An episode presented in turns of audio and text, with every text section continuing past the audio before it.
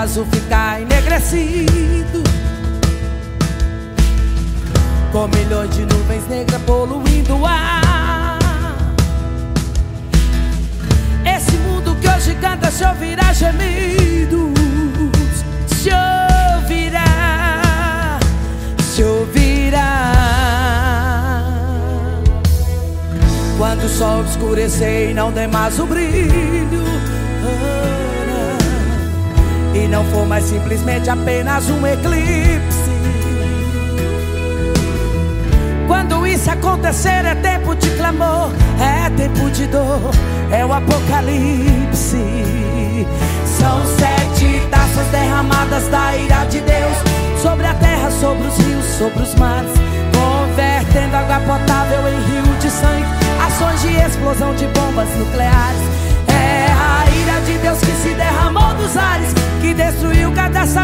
Satélite que estava lá.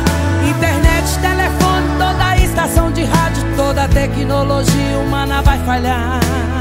É pane no sistema, é aviões caindo, porque do nada o piloto sumiu e ninguém não viu.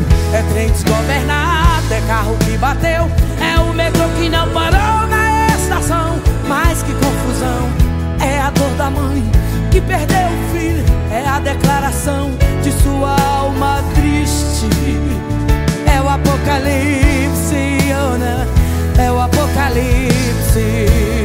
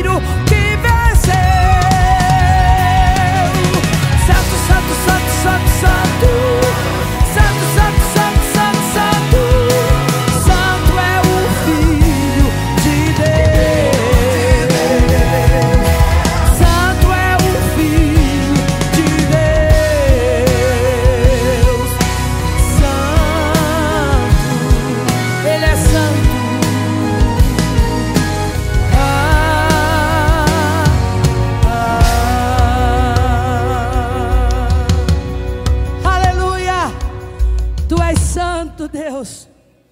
Tu és santo, aleluia.